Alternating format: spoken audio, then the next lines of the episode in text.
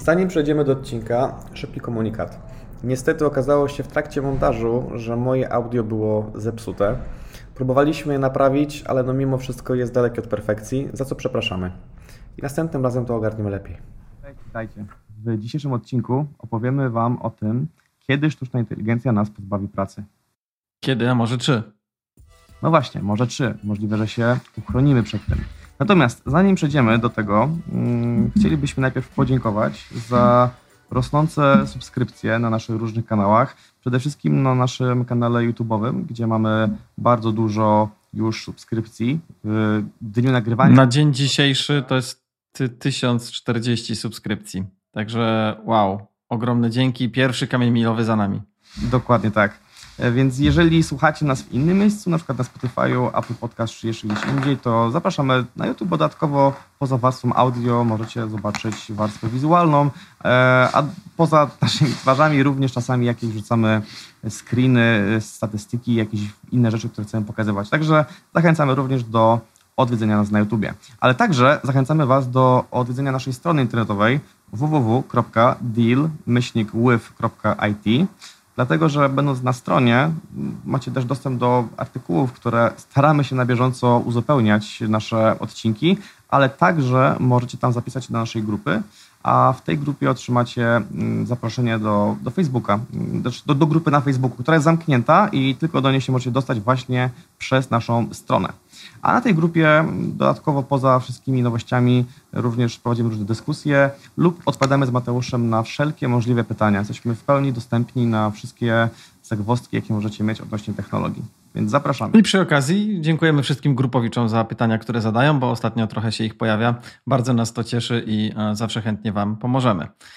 Więc y, podsumowując jeszcze to, co powiedział Daniel, dzisiaj chcemy trochę tak pobajdurzyć, posnuć wizję, jak może wyglądać e, ten rynek pracy przyszłości, e, kiedy czy lub właśnie czy nas AI zastąpi, kogo może zastąpić, a kogo nie. Mm, podzielimy się z Wami naszymi spostrzeżeniami, e, przemyśleniami i jedno ważne zastrzeżenie na sam początek, zanim, zanim zaczniemy i tak żebyście nie musieli gdzieś tam w komentarzach e, tego, te, tego później wyciągać, to nie jesteśmy specjalistami od e, AI. My, co prawda, w ramach G Group, mojej firmy, sprzedajemy takie rozwiązania i jako zespół już tymi specjalistami jesteśmy, no to osobiście ja nie jestem. Ja wiem, jak to, co sprzedajemy działa, wiem, jak funkcjonuje, wiem już sporo na temat AI, bo razem z Danielem działamy w tym temacie od listopada zeszłego roku, no ale nie jesteśmy super specjalistami, a już na pewno nie od tej strony technicznej.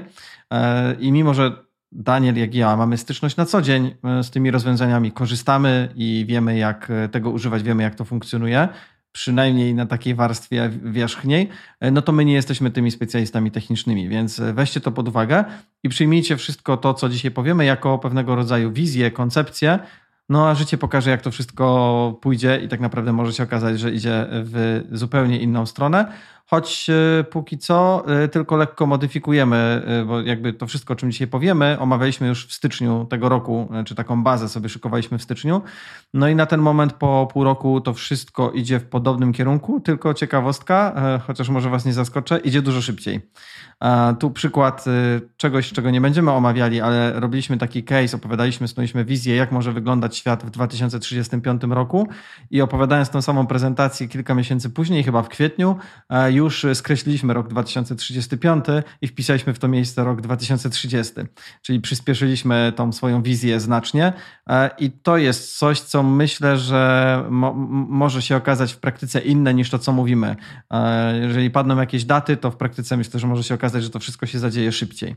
Natomiast e, zdziwię się, jeżeli to, co my dzisiaj przedstawimy, że trend pójdzie w zupełnie inną stronę. Myślę, że już po tych kilku miesiącach dobrych analizy i doświadczeniach z lat poprzednich prowadzenia biznesu, czy pracy w IT, czy, czy pracy z technologią, mamy na tyle wyczucia, że raczej te najbliższe lata, które przewidzimy, bardzo bym się zdziwił, gdyby się okazało, że będą totalnie inne. Po prostu e, w szczegółach to się może różnić, takie jest moje zdanie i tak mniej więcej wyglądały ostatnie, ostatnie rewolucje, które gdzieś tam z Danielem oglądaliśmy. No chyba, że Daniel, ty masz inne zdanie na ten temat. Nie, nie, nie, w pełni się zgadzam. Nie chcemy dzisiaj udawać, że potrafimy wywrócić przyszłość, bardziej chcemy podzielić się naszymi obserwacjami, bo to też nie jest tak, że że nie znam się, więc się wypowiem tak totalnie. Jakby swoją pracę wykonujemy, robimy research, szukamy różnych informacji, dyskutujemy z różnymi większymi od nas specjalistami. Mamy też swoje przemyślenia i argumenty, dlaczego pewne rzeczy się mogą wydarzyć lub mogą się nie wydarzyć, ale bardziej nam zależy na tym, żeby po prostu odpalić jakąś dyskusję. Więc w poprzednich filmikach mieliśmy sporo dyskusji w komentarzach, co nas bardzo cieszy, więc jeżeli to coś, co powiemy, również wyzwoli jakieś interakcje, dyskusje, dzięki czemu czegoś sami się może dowiemy, byłoby super. Także komentujcie, dawajcie znać, co uważacie, z czym się zgadzacie, a z czym się nie zgadzacie, bo wszystkie są karty na stole. Każdy może mieć swoje zdanie. No dobra, zacznijmy. Tak jak postawiliśmy pytanie pierwotne, czyli kiedy nas sztuczna inteligencja wypchnie z naszych aktualnych miejsc pracy i nas zastąpi, e, my to pytanie bardziej stawiamy na to, czy to się faktycznie wydarzy, bo osoby, które uważają, że to się wydarzy na pewno, wychodzą z założenia, że podzielimy los koni i to jest taka zabawna anegdota, że osoby, które robiły podobne rzeczy jak my teraz, czyli próbowały przewidzieć przyszłość, to tak, tak może nazwać ich badacze slash futuryści, e, ale 100 lat temu, a nawet więcej, bo na początku XX e, wieku, tam około 1910 roku, to osoby, które zajmowały się faktycznie próbą przewidzenia, jakie problemy będzie miało ludzkość za 50, 60, 100 lat, E, uważały, że generalnie to utoniemy w tak zwanym końskim łajnie. E, w tym czasie konie jako były, były tak mocno eksploatowane jako takie główne narzędzie do narzędzie, no narzędzie do, do transportu, do logistyki, do przemieszczania się, ale także do przemieszczania towarów po miastach i między miastami, że ludzie nie nadążali z po prostu sprzątaniem miast. I aktualne analizy na to wskazywały, że jeżeli ten przyrost y, wykorzystania tych koni będzie rósł w takim tempie jak do tej pory, e, a ludzie nie będą nadążali sprzątać tych miast, i przez sprzątać mam na myśli zarówno to zwykłe końskie łajno, które siłą rzeczy konie ze sobą zostawiają, ale także końskie zwłoki, bo tam dziennie umierały nawet dziesiątki i setki koni i nie było komu ich sprzątać. Te wielkie ciała się potem rozkładały na tych ulicach i to faktycznie brzmiało fatalnie. Więc ci futuryści badacze, którzy przewidywali nasze problemy przyszłości w tamtych czasach, przewidywali, że w ciągu 50 lat praktycznie e, poziom tego, tych pozostałości różnej maści może nawet sięgać pierwszego piętra, czyli będziemy w tym dosłownie tonąć w miastach. No i co się stało później? Zakładam, że wszyscy wiemy. Odkąd się pojawiły maszyny, takie jak samochody, ale też traktory i inne, inne mechaniczne pojazdy, no konie zostały wypierane. I teraz na przykład możemy Wam pokazać taki właśnie wykresik, który pokazuje, jak od tego mniej więcej 1910 roku tempo przyrastania właśnie e, poziomu traktorów względem malenia poziomu koni. I pomimo, że tych traktorów było wolumenowo znacznie mniej, to po prostu wygryzały znacznie większy procent e, tych koni dzięki czemu po 50 latach tak naprawdę ten problem pozostałości po koniach faktycznie sam się rozwiązał. No więc ludzie, którzy uważają, że AI nas zastąpi, uważają, że trochę podzielimy ten los koni, że po prostu pojawi się coś lepszego, coś siłą rzeczy z uwagi na swoją większą efektywność nas po prostu wypchnie. Możemy też spojrzeć na inne dane. E, możemy sobie przeanalizować historyczne dane odnośnie zaangażowania społeczeństwa w rolnictwo. Ponownie, na początku wieku XIX 40% y, społeczeństwa, jakby cywilizowanego, można by powiedzieć, na świecie, zajmowało się rolnictwem. A dzisiaj, po niewiele ponad 100 latach, z tych 40% spadliśmy na 2%. No duży spadek. Ale czy to oznacza, że mamy mniej jedzenia? No nie, nie. Yy, tak samo możemy to oznacza, że mamy ogromne bezrobocie? No też nie, bo tu jakby znowu możemy pokazać e, już krok dalej, czyli to, co się wydarzyło później, jak e, społeczeństwo było zaangażowane w przemysł. I tutaj w, w roku 1970 też pokazujemy teraz, te, teraz Wam tą grafikę. 25% społeczeństwa w Stanach Zjednoczonych pracowało w przemyśle, obecnie jest to 10%. Znowu, czy bezrobocie wzrosło drastycznie od tamtego czasu? No nie, gdzie ci wszyscy ludzie się przerzucili? Pewnie się domyślacie. No, do usług. A...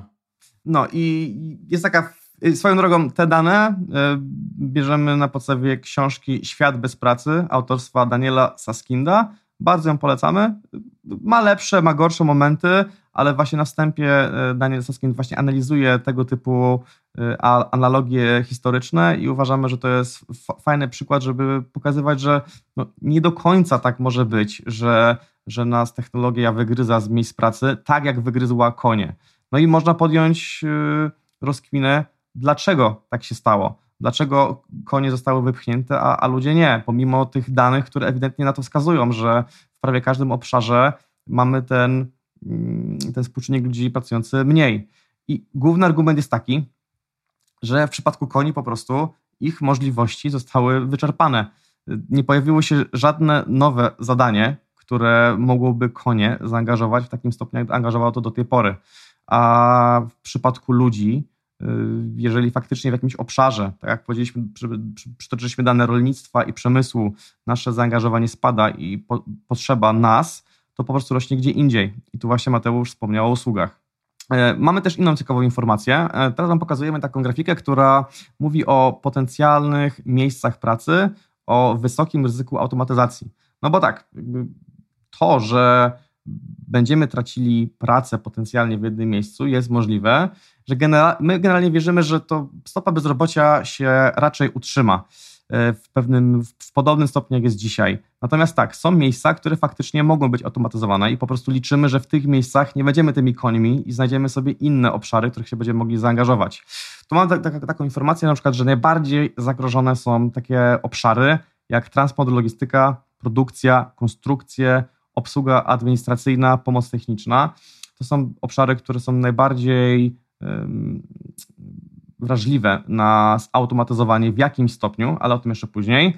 Podczas gdy te obszary najmniej podatne to na przykład edukacja, system opieki zdrowotnej, socjalnej, kwestie żywnościowe, zakwaterowania e, i na szczęście dla nas również informacja i komunikacja, co mniej więcej jest ostoją branży informatycznej. I to, co tutaj też widzicie, to takie kolorowe wskaźniki trzech różnych fal. Agencja PWC to jest taka globalna agencja, która zajmuje się różnymi badaniami i konsultingiem. E, badała te, te kwestie właśnie i oni wyróżnili trzy fale automatyzacji, które się będą przytaczały przez świat naszej pracy. I tak naprawdę pierwsza fala, ten taki niebieski wskaźnik, fala algorytmiczna, to to jest już za nami to już jakby jesteśmy praktycznie na, na, na, jej końcówce, albo już się, to już się skończyło. Ta fala algorytmiczna oznacza, że po prostu narzędzia, których używamy, te algorytmy stały się elementem naszej pracy, bez którego jakby sobie nie możemy naszej pracy już wyobrażać. Używamy tych algorytmów na co dzień yy, i no nie jesteśmy w stanie bez nich pracować tak efektywnie jak dzisiaj.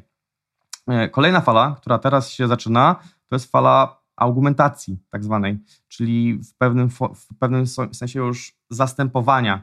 I nie tylko te narzędzia, które mamy dzisiaj, naszą pracę wspierają, ale w tym momencie te narzędzia już zaczynają te pewne całe obszary przejmować, czyli nie tylko wsparcie efektywności, a przejęcie całej gałęzi. No i tak, tutaj oczywiście można najprostsze przykłady czata GPT, który jest najpopularniejszym narzędziem. To Mateusz, sam możesz chyba przytoczyć, że pewne obszary Wam to już totalnie nie wspomogło, a zastąpiło w pracy. Fajnym argumentem jest też stopa bezrobocia w UK. To jest akurat kraj, w którym ta stopa bezrobocia jest mierzona najdłużej chyba z krajów zachodnich, bo aż od roku 1760. Wykres, którym dla Was znaleźliśmy, pokazuje jakby tą stopę bezrobocia do roku 1900, natomiast aktualnie ta stopa bezrobocia też nie jest wyższa niż średnia tutaj z tego wykresu. I pokazuje to, że oczywiście były momenty dużego wzrostu bezrobocia i dużych spadków bezrobocia, natomiast finalnie zawsze to wracało w okolice tych 10%. E, nieważne y, jakby jaka to była zmiana technologiczna czy, czy, czy, czy zmiana na rynku pracy, e, więc finalnie ludzie znajdowali jakby zajęcie dla siebie w nowych obszarach, które powstawały. E, I ten wykres myślę, że daje swego rodzaju nadzieję i jakby wiem i też sam tak czuję, że tym razem jest inaczej i tym razem to już się tak nie uda. I być może tak, a być może nie i jednak znajdziemy i na przykład bardzo mocno rozwinie się obszar rozrywki. Oczywiście mm, filozoficzne, a potem gospodarcze pytanie, jak to wszystko utrzymać i sfinansować. To już jest osobny temat, o którym można byłoby nagrać zupełnie oddzielny odcinek. Natomiast y, jeżeli chodzi już o samo zatrudnienie i zajęcie, no jakby do tej pory ludzkość sobie radziła z każdą zmianą technologiczną, która się pojawiała. No i nie powodowało to lawinowego bezrobocia, a na pewno nie w długim terminie. Jeżeli nawet były takie wzrosty, jak tutaj widzicie, to były to e, wzrosty relatywnie oczywiście krótkoterminowe, no bo 5 lat kryzysu to jest dla ludzkiego życia bardzo długo, ale z perspektywy społeczeństwa no to jest mignięcie, e, mrugnięcie okiem. Jedna ciekawa dana, którą możemy tutaj przytoczyć, która pokazuje tę sprawę z trochę innej perspektywy. Mianowicie ilość godzin poświęcanych na pracę w krajach no, rozwiniętych. E, teraz Wam wyświetlamy tą statystykę, że badacze stwierdzają, że od, odkąd to jest zmierzone, ale na pewno od 1970 roku, czyli drugiej połowy XX wieku, do teraz, rok po roku, cały czas konsekwentnie spada ilość godzin, jakie rocznie poświęcamy na pracę. I na przełomie tych lat około 40, yy, nawet nie, na dekadę, czyli na 10 lat, to spada o około 40 godzin rocznie. Rocznie niby y, mało, ale cały czas konsekwentnie. I ten trend nam pokazuje, że właśnie ten wzrost efektywności, które zapewniają nam narzędzia, które z, z roku na rok i z dekady na dekadę się pojawiają i rozwijają, po prostu powoduje, że my mamy nasze prace, ale potencjalnie coraz mniej pracujemy. I to jest o tyle optymistyczna wizja przyszłości, że kto wie, może niedługo faktycznie będziemy pracowali po prostu po 4 godziny y, wytwarzają, dziennie, wytwarzając tę samą wartość. Wiadomo, to się nie wydarzy nagle wszędzie. My jako Polacy mamy ten, tendencję do bycia najbardziej chyba, albo jednym z najbardziej zapracowanych krajów w Europie, a może i na świecie. E, natomiast już są kraje, gdzie jest, nie wiem, 6-godzinny y, tydzień pracy, 4-dniowy tydzień pracy i tam to już jest tak naprawdę standardem. Co więcej, no to są jeszcze testy. To ja nie wiem, czy to. Bo nie, nie, nie masz jakiś konkretny kraj na myśli, czy, te, czy, czy, czy mówisz o, na bazie takiej no, ogólnej tych testów, które były, czy. No to, to jeszcze chyba kraju, chyba jeszcze kraju nie ma, w którym to by było tak już odgórnie wprowadzone, natomiast na pewno, na pewno są takie obszary, całe, całe sektory gospodarki, gdzie faktycznie ten czas pracy jest skracany. Chyba w Hiszpanii e, jest preferowany model, gdzie tam jest średnio 4 dni pracy i to chodziło o zbicie bezrobocia, takie trochę przykrywanie problemu. Natomiast e, tam to nie wynika ze wzrostu efektywności, tylko po prostu problemów na rynku pracy. A jeżeli tutaj mówimy o wzroście efektywności, no to na, na ten moment wszystkie testy mówią to, co ty powiedziałeś. I czy to były testy na poziomie firmy, czy testy na poziomie całego sektora gospodarki. Ja cały czas osobiście, prywatnie tego nie kupuję tak do końca, ale z drugiej strony, no, informacja. Ja no tak, i to jeszcze taki, która zarabia za godziny pracy, więc już w ogóle mi się nie opłaca na ten moment e, mieć mniejszej ilości godzin programistów, ale tak na serio, już wracając do tematu, to no właśnie jakby model tej pracy 8, 8 godzin, co mnie przekonuje, że jednak mogę się mylić i że to się może udać i że gospodarka się może nie zawalić, to to, z czego nie zdawałem sobie sprawy, że model pracy po 8 godzin dziennie jest z nami od 1593 roku. A co to oznacza? No to oznacza, że ten model pracy, y, jakby wcześniej świat nie funkcjonował według tego modelu i się nie załamał. Jak czytaliśmy y, opracowania różne z tamtych lat, y, bo model ten się upowszechnił w wieku XVIII-XIX, szczególnie XIX, kiedy powstały fabryki przemysłowe, to były duże protesty, kiedy jakby ograniczono tą ilość godzin pracy z 12 do 8. Były duże protesty, że właśnie gospodarka tego nie wytrzyma, że się załamie. E, protesty właścicieli fabryk. E, więc, e, no i co się okazało? No nic się nie zawaliło, tak? Jakby dalej funkcjonujemy, więc być może skrócenie teraz do tych czterech dni czy sześciu godzin też wcale nic nie załamie w gospodarce i ja mam tylko takie głęboko zakorzenione poczucie, że to jest złe, że to może nie być dobre. I może finalnie wyjdzie, że jest ok. Powoli zaczynam dopuszczać to do, do myśli na zasadzie, ok, no to chyba to się może udać i jestem w stanie to zaakceptować, jeżeli będzie ja trzeba. Na perspektywę, bo absolutnie rozumiem to, że no, twoja firma, model biznesowy twojej firmy polega głównie na właśnie godzinach płatnych, jakie przepracowują. No to wiesz, model się zmieni, to tak. będzie wyższa stawka godzinowa. To jakby to tak, tak pół żartem, pół serio no mówiłem, nie? Bo wiadomo, że rynek się jakoś dostosuje. E, na tym poniekąd polegasz, więc rozumiem, że tak. perspektywy można mieć, ona jest jak najbardziej walidna. E, natomiast z perspektywy wartości, jaką generuje nasza praca, no to ten model 8-godzinny uważam jest spoko, pod kątem pracy fizycznej, bo faktycznie 8 godzin dziennie no jesteśmy w stanie pracować fizycznie w różnych aspektach, czy to e, dosłownie coś budując, uprawiając rolę, ale także biegając po mieście, dowożąc paczki, cokolwiek. E, natomiast ten model nigdy nie był wymyślony, bo za tamtych czasów nie było takich potrzeb, do pracy umysłowej, do pracy biurowej, do pracy kreatywnej. I każdy z nas tak naprawdę wie, że no, pracować tak faktycznie uczciwie, z ręką na sercu 8 godzin dziennie przy komputerze, coś pisząc, wymyślając, kombinując, oczywiście, że się da, ale długo tak nie ujedziemy. No, ile realnie pracujemy tak, tak, tak produktywnie? No, każdy sobie na to może sam odpowiedzieć, ale myślę, że jeżeli ktoś pracuje dziennie tak produktywnie 5 godzin, to uważam, że to już jest dużo. A co się dzieje w tych innych godzinach? No nie wiem, chodzimy sobie na kawę, chodzimy na przykład na papierosa, gadamy z kimś na korytarzu, albo pracujemy zdalnie, więc rozwieszamy pranie, albo gotujemy obiad, albo wyjdziemy na spacer i to jest ok. Ja absolutnie nie uważam, że powinniśmy być przykuci na 8 godzin do, do komputera, bo to tylko i wyłącznie nas męczy, obniża naszą kreatywność. Niejednokrotnie potrafiłem siedzieć przez 3 godziny przed jakimś pustym slajdem i nie mogłem nic twórczego wymyślić, a wystarczyło, że poszedłem na spacer na 15 minut i nagle mi się otworzyły pewne klapki i już miałem jakieś pomysły, bo sobie zrobiłem przerwę.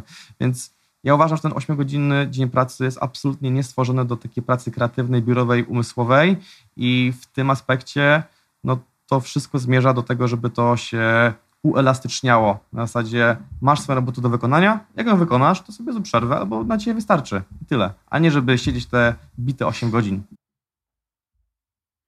Zdecydowanie. E, no i teraz trochę już przechodząc do, do konkretów, jak aktualnie jakby wygląda sytuacja z naszej perspektywy, e, na pewno nie widzimy jeszcze zbyt wielu przykładów, gdzie AI lub rozwiązania AI e, zastępują całe zawody.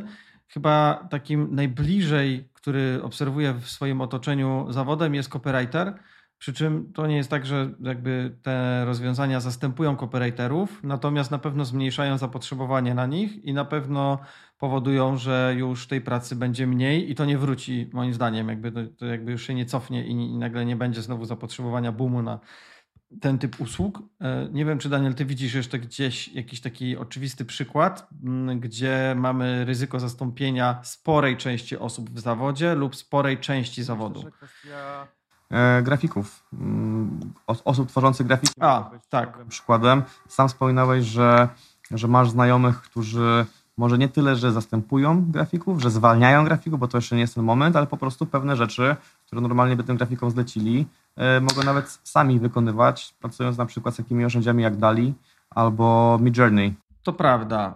To prawda. Przypomniałeś mi fajny przykład znajomego, pozdrawiam Kuba, e, znajomego, który prowadzi agencję, który przygotował dla e, naszego klienta wspólnego Volkswagena grafiki e, grafiki z reklamą i to są naprawdę dobrej jakości grafiki.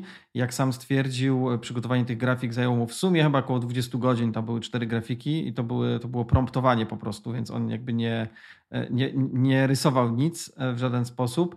E, promptował, czyli e, da, dawał instrukcje do rozwiązania, które generuje tą grafikę. O promptingu jeszcze trochę dzisiaj powiemy.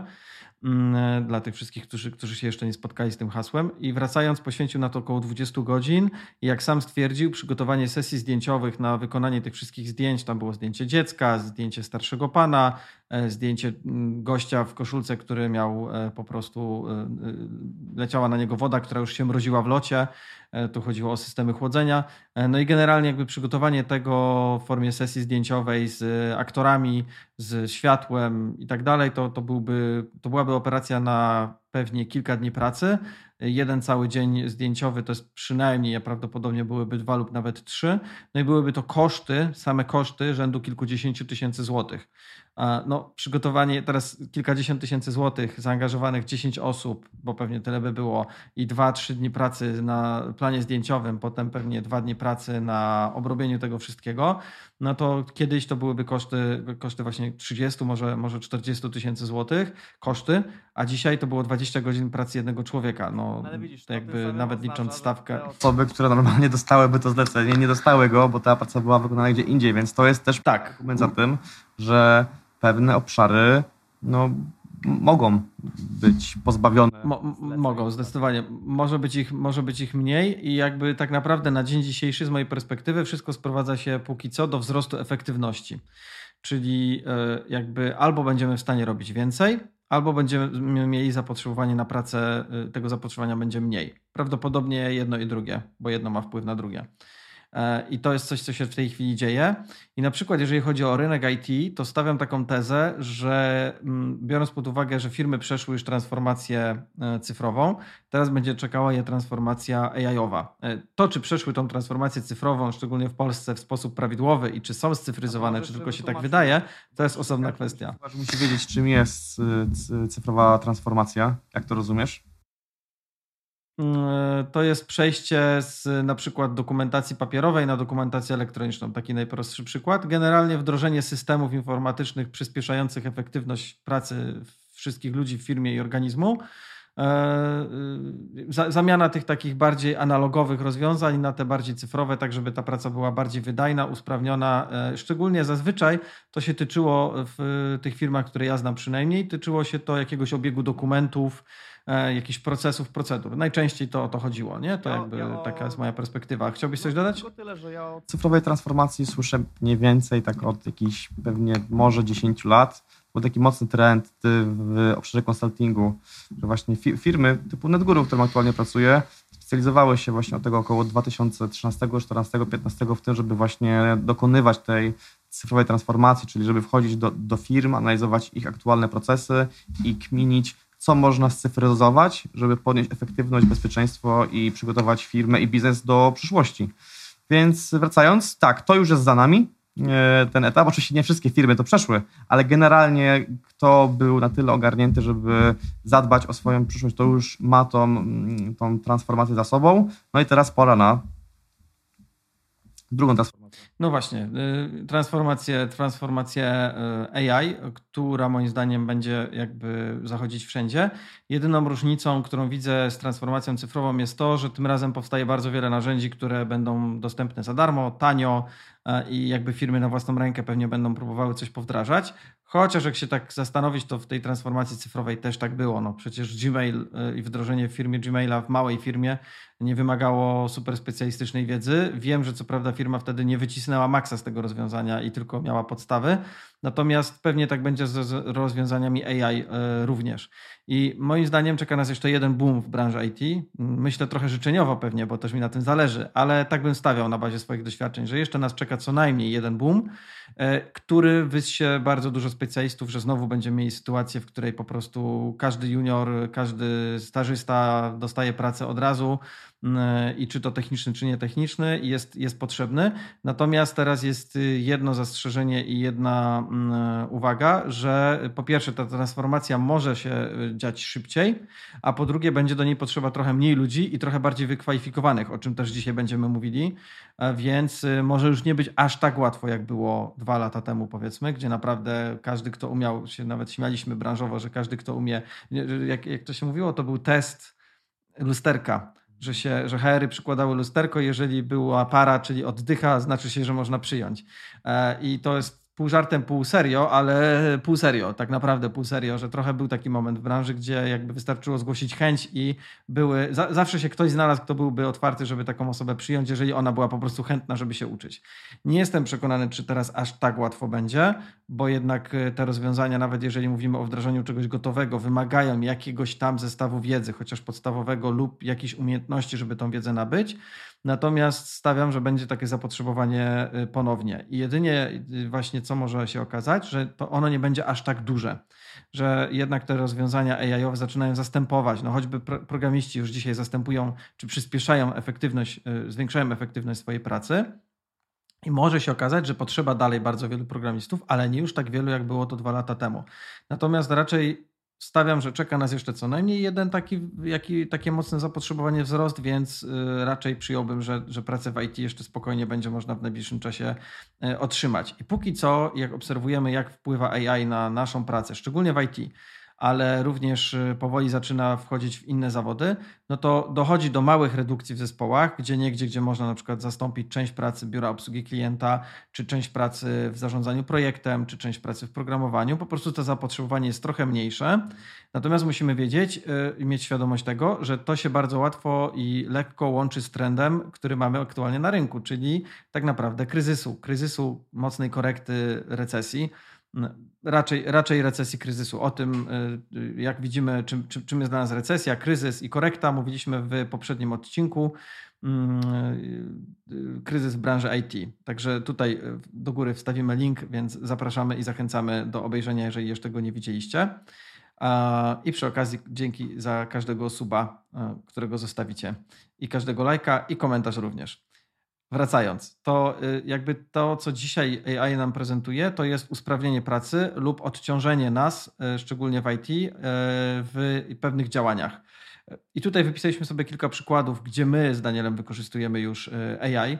E, po mojej stronie na pewno to, to są takie rzeczy jak generowanie treści maili niektórych do klientów, generowanie treści marketingowych, e, analizę pewnych treści, e, pewnych umów, nawet niekiedy taka wstępna analiza, zanim to pójdzie do prawnika, research i wsparcie eksperckie, tworzenie planów działań, strategii. To są wszystko rzeczy, które gdzieś tam, gdzieś tam ja na co dzień używam tych rozwiązań, robię i w związku z tym mam większą efektywność. I na przykład zmniejszyliśmy ilość godzin pracy e, osoby, która zajmuje się copywritingiem u nas, ponieważ e, poprosiliśmy ją, żeby korzystała z czata GPT.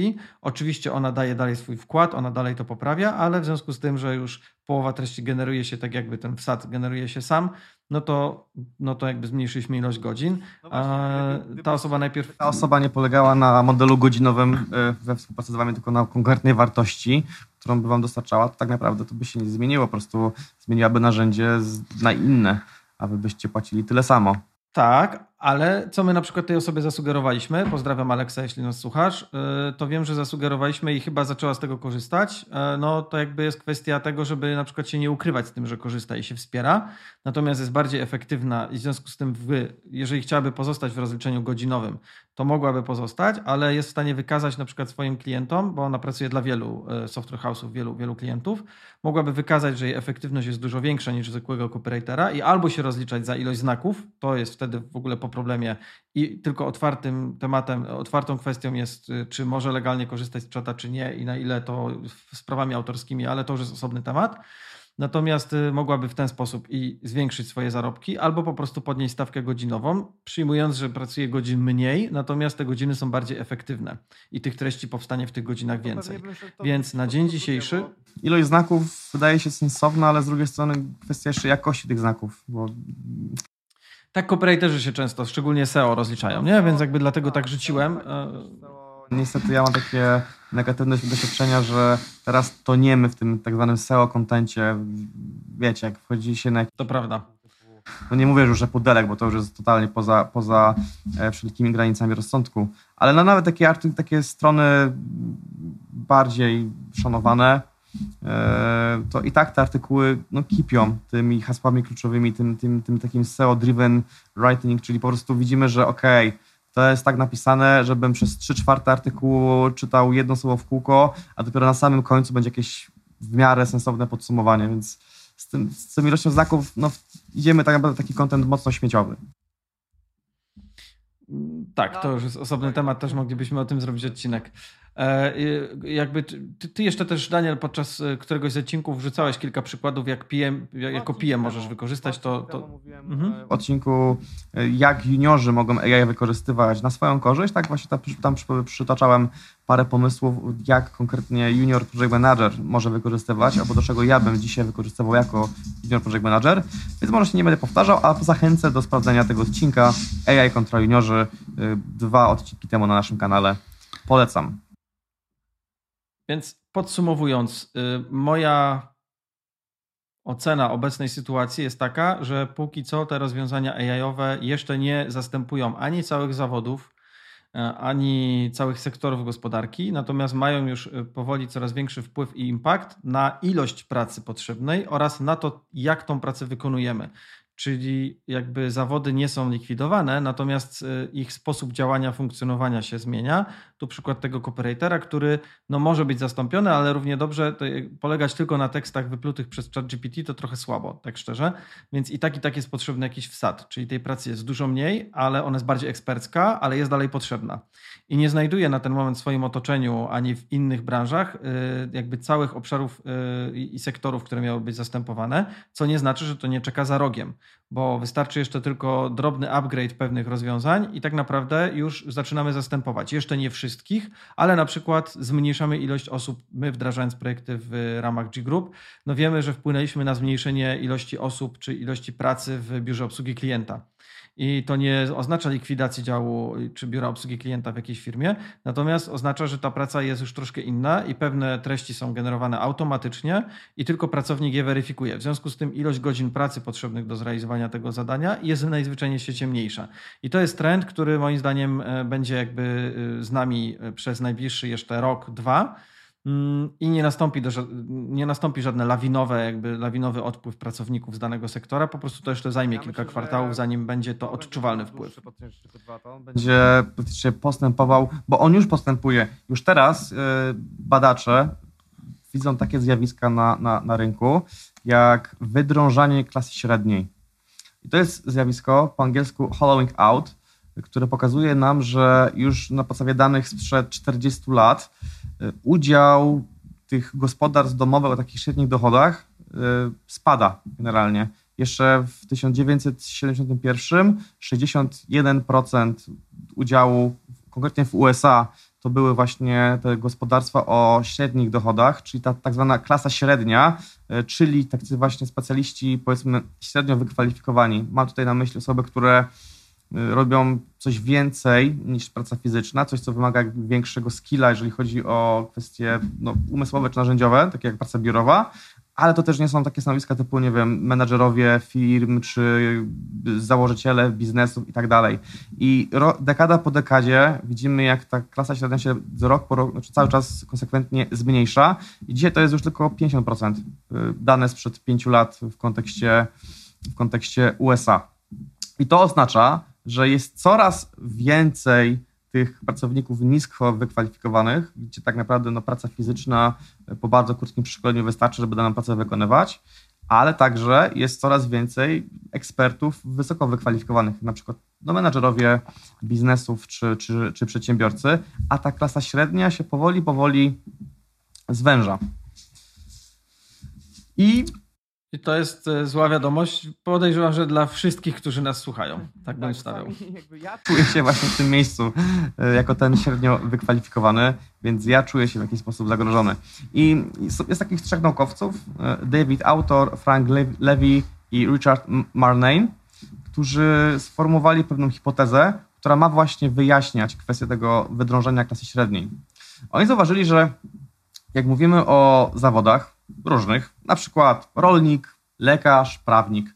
To jako osoby spoza tych zawodów, spoza tych branż, albo też informatyk, programista, yy, myślimy trochę o tych zawodach o takich etykietach, że no nie wiem, lekarz robi lekarskie rzeczy, prawnik robi rzeczy prawnicze i tak dalej bo, to ta, ta, ta, ta, rola, ta specjalizacja. Ale totalnie sobie nie zdajemy sprawy, jak dużo, jak setki, może tysiące takich małych, małych rzeczy się kryją za tą etykietką rolnika, prawnika, lekarza, kuriera, programisty. Jak wiele tam jest różnych małych zajęć, e, które z kolei też można pokategoryzować w dwa takie główne worki, powiedzmy. Jednym workiem na te wszystkie zadania, na część tych zadań, które realizuje zawody, to jest rzeczy takie powtarzalne, a drugim są takie rzeczy no, bardziej zmienne. I to jest to pierwsze spostrzeżenie, które, które, które zauważyli. Um, drugie jest takie, że no, zastanówmy się, które z tych obszarów są bardziej podatne właśnie na automatyzację. Gdybyśmy sobie wzięli opiekunkę dla dzieci, i nie mówię, że to jest osoba nisko wykwalifikowana w teorii, no bo oczywiście, żeby być dobrą opiekunką czy opiekunem, można nawet jakieś studia pokończyć i tak dalej. Ale generalnie, tak myślimy o takich opiekunkach, opiekunach typu nastolatkowie albo studenci na, na dorobku, no to raczej nie ma tam wielkich kwalifikacji, po prostu trzeba być i opiekować. E, możemy wziąć księgowego albo księgową, albo osobę, która założyła firmę. No to z tych trzech progów na zasadzie niskie kwalifikacje, średnie, wysokie. No oczywiście ta, ten środek ma największy taki współczynnik, prawdopodobieństwo do bycia zautomatyzowanym, ale znowu nie całego zawodu. To nie jest tak, że nagle znikną nam księgowi do tego przykładu, tylko po prostu te, te zawody mają większą proporcję tej kategorii zadań stałych, powtarzalnych do tych zmiennych. W prowadzeniu firmy, no Mateusz, możesz sam powiedzieć, ile, ile masz takich stałych, powtarzalnych zadań? Procent, nie wiem, strzel. No pewnie 60, natomiast y, powtarzalnych tak, ale no one nie są y, jakby pomimo, że ja wykonuję cały czas tą samą rzecz, to ona jest za każdym razem trochę inna. Więc gdyby to przyjmować takie no. powtarzalne, tak, przyjmując takie, które nie są zmienne, no to na tyle pooptymalizowałem swoją pracę, że pewnie to jest 20-30%. Natomiast y, ja myślę, że dzięki rozwiązaniom AI, y, jakby to jest kwestia zastanowienia się i choćby, fajnie, że to poruszyłeś, bo rzucę szybki przykład. Y, teraz pracujemy nad taką automatyzacją, czy może na razie koncepcyjnie jeszcze, ale ja muszę szykować prezentację dla Rady Nadzorczej, aktualizując sytuacja w firmie, e, wiele raportów szykujemy e, i jakby kminie, jak teraz to zrobić, żebym ja nie musiał tych samych danych z różnych miejsc zbierać i wrzucać w różne inne miejsca, tylko żeby w jakiś sposób jednak generować sobie raport również taki opisowy, e, jakby z jednego źródła, czyli wrzucam wszystko, co spływa z bieżącego miesiąca w jedno źródło i generuję sobie z tego raporty w różne miejsca, w które i tak muszę to raportować, czy opowiedzieć, czy to w zespole, czy to w Radzie Nadzorczej.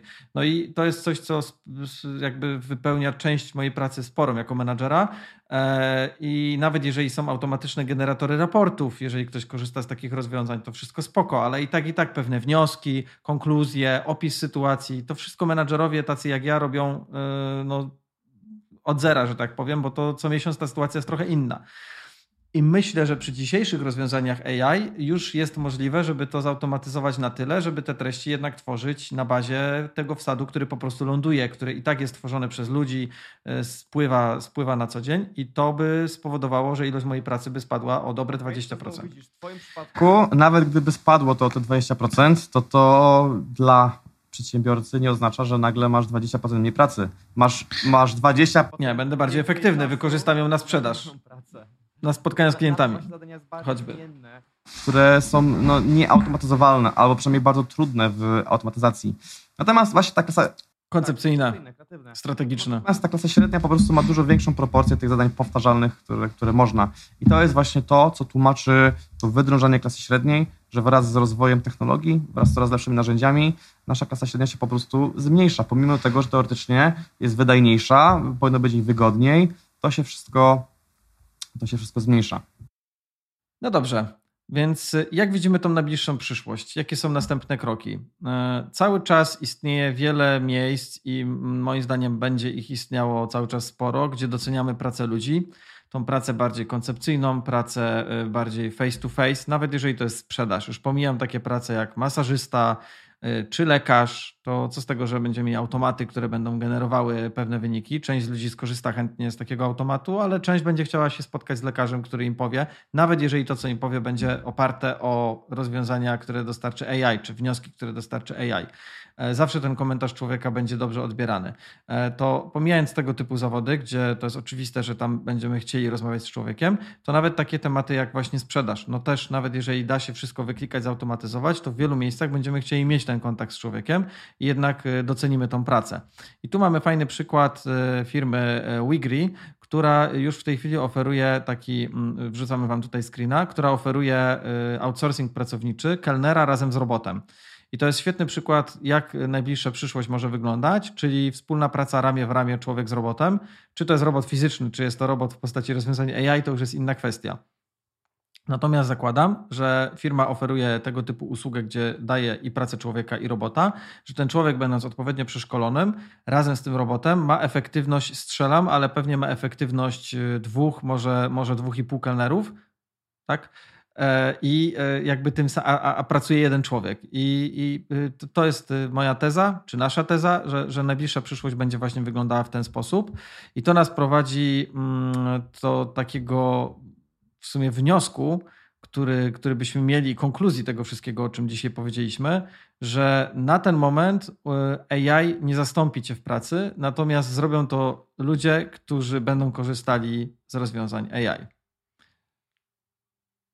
Daniel, czy zgadzasz się z tym stwierdzeniem? Zgadzam się z tym stwierdzeniem. To jest moment, kiedy powinniśmy rękawy zakasać i po prostu uczyć się tego, e, tych narzędzi, znaleźć sobie jakiś obszar w pracy naszej, który jest dla nas problematyczny i poszukać narzędzia, które może to, to, to rozwiązać, albo w drugą stronę zastanowić się, co lubimy robić, e, co nas sprawia przyjemność, gdzie jakby co, czym się pasjonujemy i w tym obszarze poszukać jakiegoś narzędzia, które AI rozwija i może to bardzo łatwo zrobić w takim sensie, że są strony, które zajmują się tylko i wyłącznie tym, żeby właśnie zbierać i e, różne narzędzia i opisywać, czym dane narzędzie, do czego służy, jaki obszar pokrywa. Można po prostu przeglądać. Tam się pojawiają codziennie setki, setki narzędzi. Spróbuję to wygooglować, żebyś to Mateusz podlinkował. Chyba to było Future Tools. E, tak, futuretools.io to jest taki po prostu ranking, e, zbiór różnych narzędzi, które zaspokajają różne potrzeby. Można znaleźć coś, co pokrywa się z naszymi zainteresowaniami. Rysowanie, a może produkcja jakiegoś audio, dźwięku, cokolwiek innego i po prostu uczyć się tego konkretnego narzędzia, e, bo za 2-3 lata może się okazać, że to sprawi, że będziecie mieli mega dużą przewagę konkurencyjną nad osobami, które teraz w tym momencie to przespały. I tu pokazuję Wam ostatni wykres e, już w dzisiejszym odcinku, że e, w którym miejscu się znajdujemy, jeżeli chodzi o rewolucję AI tak naprawdę znajdujemy się dopiero na etapie early adopters, czyli jakby ten próg wejścia jest jeszcze relatywnie, relatywnie nieduży, no bo właśnie jakby to nie jest tak, że każdy już korzysta na co dzień z tych wszystkich rozwiązań i ma wiedzę. I jesteśmy przed fazą e, bardzo, bardzo szybkiego wzrostu, więc to jest taki ostatni moment, myślę, w którym możecie jeszcze w miarę ze spokojem wsiąść do tego pociągu i po prostu zacząć korzystać. Też przy okazji jakby mam prośbę, my podlinkujemy tą stronę, o której mówił Daniel, ale jeżeli wy już korzystacie z jakichś rozwiązań AI w swojej pracy albo widzicie, że ktoś inny korzysta, to będziemy wdzięczni, jeżeli podzielicie się w komentarzu y, tą informacją, z jakich rozwiązań ktoś korzysta, na jakim stanowisku, jak widzicie ten wpływ, czy w ogóle widzicie wpływ rozwiązań AI na waszą pracę. Także dzięki za każdy komentarz i, i, i, i chętnie się ustosunkujemy i zobaczymy, jak to wygląda u was. Dokładnie. I tym samym myślę, że możemy tą dzisiejszą dyskusję na temat wróżenia przyszłości, a bardziej przewidywania trendów zakończyć. Mam nadzieję, że jakieś pojawią komentarze, że ona będzie kontynuowana właśnie w komentarzach. I tym samym, jeżeli tego typu treści Ciebie interesują i dostrzegasz w nich wartość, to bardzo prosimy o zostawienie subskrypcji, tego tam dzwoneczka na YouTubie, a w innych kanałach typu Spotify, bo tam też nas możecie słuchać po prostu subskrypcji. Te liczby nam pokazują faktycznie, że to, co tworzymy, ma sens i tylko i wyłącznie nas motywują do tworzenia rzeczy o wyższej jakości. Dzięki bardzo za wysłuchanie dzisiejszego odcinka. No i do zobaczenia w kolejnym. Trzymajcie się. Cześć. Do zobaczenia. Cześć.